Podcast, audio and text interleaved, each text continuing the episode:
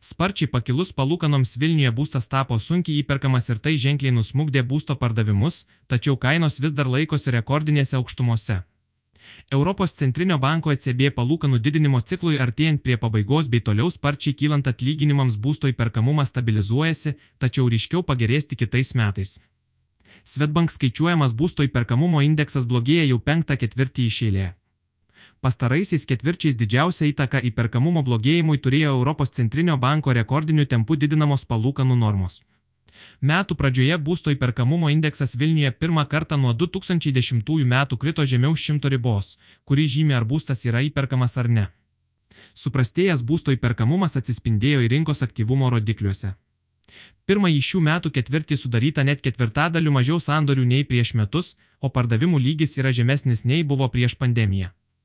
Įprastai kritus sandorių skaičiui po kurio laiko koreguojasi ir kainos, tačiau bent kol kas būsto pardavėjai nuolaidų daryti neskuba, komentuoja Svetbank vyresnysis ekonomistas Vitenis Šimkus.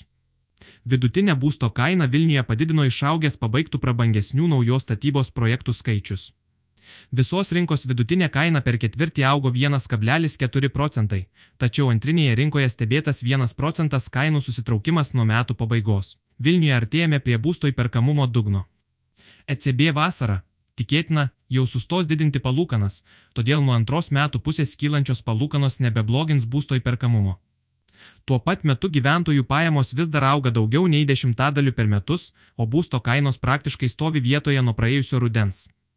Kita ketvirtį įperkamumo indeksas turėtų stabilizuotis, o antroje metų pusėje net minimaliai gerėti.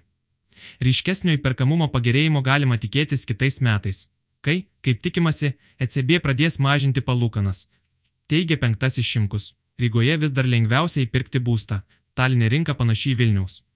Baltijos šalių sostinėse būsto rinkos tendencijos buvo panašios kaip ir Vilniuje. Dėl brangstančio finansavimo prastėjo būsto įperkamumas. Indeksas Rygoje siekė 153, o Talinė 103,5 punkto.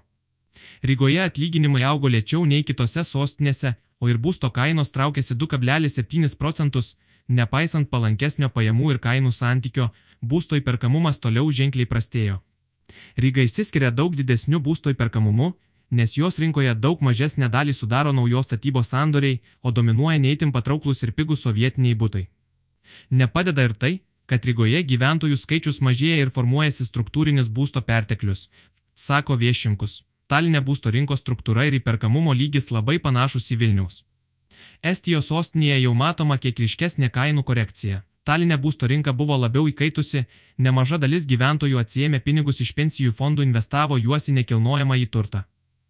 Tai lėmė spartesnį būsto kainų augimą, o išsikvėpus laikinai paklausai ryškesnį kainų sumažėjimą. Aiškina ekonomistas. Palūkanų normų pikas bus pasiektas šią vasarą. Svetbank prognozuoja, kad ECB bazinės palūkanų normas dar pakels pusę procentinio punkto, tačiau palūkano šiuose aukštumose ilgai neįsilaikys. Infliacija eurozonoje sparčiai mažėja ir labai tikėtina, kad šių metų pabaigoje priartės prie ECB tikslo - 2 procentų. Tuo tarpu vis daugiau eurozono šalių atsiduria recesijoje, matome plataus masto pramonės nuosmukį, kuris, tikėtina, antrąjį šių metų pusmetį neigiamai paveiks ir daugelį paslaugų sektorių.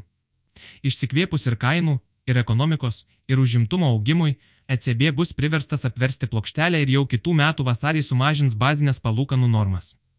Tikėtina, kad per kitus metus palūkanų normos bus sumažintos pusantro procento, prognozuoja Svetbank vyriausiasis ekonomistas Nerijus Mačiulis. Pirkėjų gretas praretino ir kritusi nuomos graža. Svetbank skaičiuojamas nuomos gražos rodiklis yra nukritęs į žemiausią lygį nuo 2011 metų. Šis rodiklis parodo, kokią dalį būsto kaino sudaro jo metinės nuomos pajamos. Vidutinė nuomos graža Vilniuje siekia apie 5 procentus, Kaune 5,7 procento. Tai yra maždaug procentinių punktų mažiau nei jos ilgalaikis istorinis vidurkis. Pastaruosius keliarius metus būsto rinkoje buvo itin aktyvus antrojo ir trečio būsto pirkėjai, kurie pirko būstą nuomai arba tikėjosi jį parduoti už gerokai didesnę kainą po kelių metų. Tokių pirkėjų šiuo metu yra gerokai mažiau, jų gretas praretino ir nukritusi nuomos graža ir pakilusios palūkanų normos. Didesnės palūkanų normos ne tik reiškia didesnę skolinimosi kainą, tai aktualu ne visiems, bet ir sukuria daugiau patrauklių investicinių alternatyvų su panašia graža ir mažesnė rizika. Investicinio būsto pirkėjų šiuo metu beveik nėra ir dėl to, kad daugelis, nebe pagrindo, nesitiki būsto brangimo, o daugeliu atveju mato galimą kainų korekciją. Komentuoja N. Mačiulis.